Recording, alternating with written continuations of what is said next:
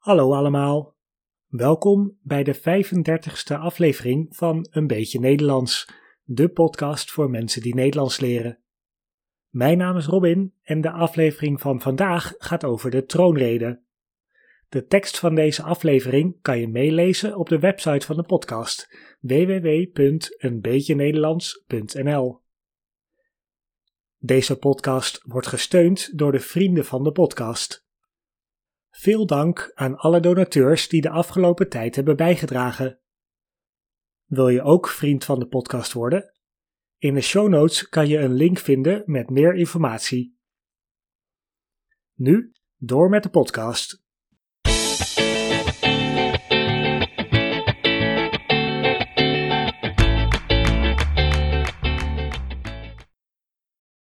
Vandaag krijg ik wat hulp bij het inspreken van de aflevering en niet van zomaar iemand. In deze aflevering hoor je namelijk de stem van koning Willem-Alexander. Het leek me leuk om een paar stukken van de troonrede te luisteren en ik geef uitleg over wat er gezegd wordt. Heb je geen idee wat de troonrede is? Dan zou je het beste eerst even de vorige aflevering kunnen luisteren over Prinsjesdag.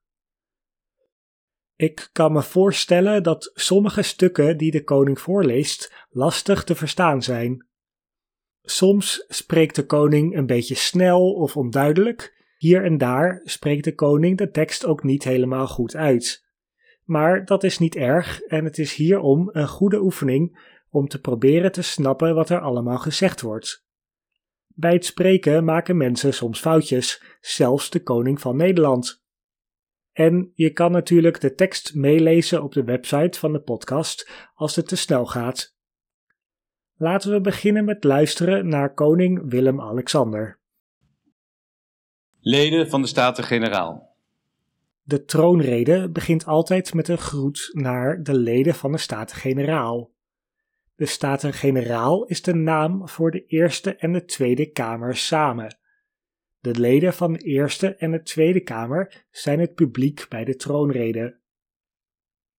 Als je niet zo goed weet wat de Eerste en Tweede Kamer zijn, zou ik aanraden om even de aflevering van deze podcast over de verkiezingen te luisteren, nummer 3. Daarbij leg ik uit hoe het politieke systeem werkt in Nederland. We leven in een tijd van tegenstrijdigheden en onzekerheid. Het is tegenstrijdig dat bestaanszekerheden onder druk staan en armoede toeneemt in een periode van economische groei en lage werkloosheid. Tegenstrijdig is het dat mensen zich in ons vrije land onvrij voelen om een mening te geven, uit angst voor harde reacties of zelfs bedreigingen. En zorgwekkend is ook dat mensen in een volwassen democratie als de onze het vertrouwen verliezen in het oplossend vermogen van politiek en bestuur. De koning begint de troonrede met een aantal observaties over het afgelopen jaar. Het gaat op dit moment economisch goed in Nederland, de economie groeit. Maar iedereen heeft last van de hoge inflatie en energierekening. Dat noemt de koning tegenstrijdig, niet bij elkaar passend. Hij stelt ook vast dat veel mensen weinig vertrouwen hebben in de politiek. Daarnaast groeit de onzekerheid van mensen over de dag van morgen en de verder weggelegen toekomst. Over koopkracht en woningnood. Over de opvang van asielzoekers en de oorlog in Oekraïne. Maar ook over grote veranderingen die op ons afkomen op terreinen als arbeidsmarkt, klimaat, energie en stikstof. Al deze onderwerpen zijn bepalend voor de manier waarop wij en onze kinderen straks wonen, werken, ondernemen en met elkaar samenleven. De koning heeft het over de dag van morgen. Dat bedoelt hij niet letterlijk. Hij heeft het over de zorgen die veel mensen hebben over de toekomst. Er zijn op dit moment in Nederland meerdere crisissen. Door de hoge inflatie hebben mensen minder te besteden. Dat noemen we koopkracht. Verder is het heel moeilijk om een woning te krijgen. Voor bedrijven is het heel moeilijk om nieuw personeel te vinden. De opvang van vluchtelingen gaat niet goed. Er is een stikstofcrisis. Als je meer wil weten over de stikstofcrisis, kan je luisteren naar aflevering 30. Daarin staat Nederland overigens niet alleen. Andere landen staan voor vergelijkbare opgaven. Niemand kan voorspellen hoe de wereld eruit ziet als de kinderen van nu zelf kinderen hebben. Maar het zal anders zijn, want onze huidige manier van leven stuit op economische, sociale en ecologische grenzen. Dat vergt een andere economie en arbeidsmarkt, een andere omgang met ruimte en natuur, andere manier van wonen, werken, ondernemen en reizen, en andere vormen van samenleven. Wat niet verandert, is dat samenwerking Nederland sterker maakt dan polarisatie. Dat is van alle tijden. De koning zegt hier dat de manier waarop we nu leven niet zo door kan gaan. Het stuit op grenzen, oftewel het zit aan de limiet van wat er mogelijk is. Er zullen dingen moeten veranderen in de manier waarop we met de economie omgaan, met de natuur en met elkaar. Maar daarbij moeten we blijven samenwerken zoals we altijd al gedaan hebben. Voorgaande generaties hebben de basis gelegd voor de voorspoed en vrije manier van leven die zo kenmerkend is voor ons land. Nu wordt die manier van leven bedreigd door de brute agressie van Rusland tegen Oekraïne. Sinds 1945 leven wij in Nederland in vrede. Nu is een oorlog dichtbij en wordt de internationale rechtsorde en daarmee onze eigen vrijheid aangevallen. We zeggen op 4 en 5 mei heel gemakkelijk dat de waarden van vrijheid en democratie niet vanzelfsprekend zijn en dat ze actief onderhouden moeten worden en doorgegeven. Nu worden we geconfronteerd met de vraag: wat hebben we daar concreet voor over? Moreel en materieel. De gastvrije opvang en alle hulp die vanuit Nederland direct beschikbaar kwam, geven daarop het eerste antwoord. De regering kiest met overtuiging voor militaire en humanitaire steun aan Oekraïne, internationale sancties tegen Rusland en eensgezindheid en nauwe samenwerking in de Europese Unie, NAVO en de Verenigde Naties. Oekraïne heeft het volste recht zichzelf te verdedigen. Hier heeft de koning het over de oorlog in Oekraïne. Hij spreekt steun uit voor Oekraïne en spreekt over wat dat betekent voor ons in Nederland. Hij heeft het over 4 en 5 mei, de twee dagen waarop we de Tweede Wereldoorlog herdenken in Nederland. De vraag die de koning stelt is: wat is Nederland bereid te doen om Oekraïne te steunen? Nederland vangt ongeveer 80.000 vluchtelingen op uit Oekraïne. Verder heeft Nederland wapens aan Oekraïne gegeven en geld aan hulporganisaties die zorgen voor eten, drinken en medische hulp voor inwoners in Oekraïne. De NAVO is de Nederlandse naam voor de militaire samenwerkingsorganisatie NATO en de Verenigde Naties is de Nederlandse naam voor de United Nations. Een direct gevolg van de oorlog en de internationale sancties tegen Rusland is dat gas, elektriciteit en voedsel flink duurder zijn geworden. De gevolgen voor mensen, gezinnen en bedrijven zijn ernstig.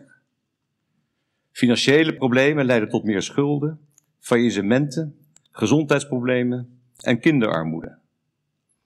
Het is pijnlijk dat steeds meer mensen in Nederland moeite hebben met het betalen van een huur, boodschappen, zorgpremie of energierekening. Daarom komt het kabinet met een ongekend fors maatregelenpakket van ruim 18 miljard euro, vooral ten behoeve van de lage en de middeninkomens. Maar zelfs daarmee kunnen niet alle prijsstijgingen voor iedereen volledig worden gecompenseerd. We hebben in Nederland te maken met enorm hoge energierekeningen en dure boodschappen. Twee jaar geleden betaalde ik bijvoorbeeld 80 euro per maand voor gas en stroom, nu 200 euro. Wanneer mijn energiecontract afloopt, wordt de energierekening waarschijnlijk nog hoger. Veel meer mensen dan normaal zitten in financiële problemen. De regering kondigt hier maatregelen aan om die mensen te helpen. Het kabinet zal al het mogelijke doen om een breed draagvlak te krijgen voor de aanpak van het stikstofprobleem. Industrie, mobiliteitssector en landbouw moeten de uitstoot naar beneden brengen. Het doel is natuurherstel, een vitaal platteland en een goede toekomst voor de Nederlandse boeren. Daarom is halvering van de stikstofuitstoot onontkoombaar. Ook vanwege gerechtelijke uitspraken en om te zorgen dat de vergunningverlening niet stil komt te vallen. Tegelijkertijd zijn er begrijpelijke emoties van boeren die vrezen voor de toekomst van hun familiebedrijf, waar ze zo trots op zijn, vaak al generaties lang. De omslag naar kringlooplandbouw vraagt veel, maar biedt boeren perspectief op een goede toekomst en een fatsoenlijk inkomen. Ik heb in de aflevering over de stikstofcrisis het gehad over de grote zorgen die boeren in Nederland hebben over hun toekomst.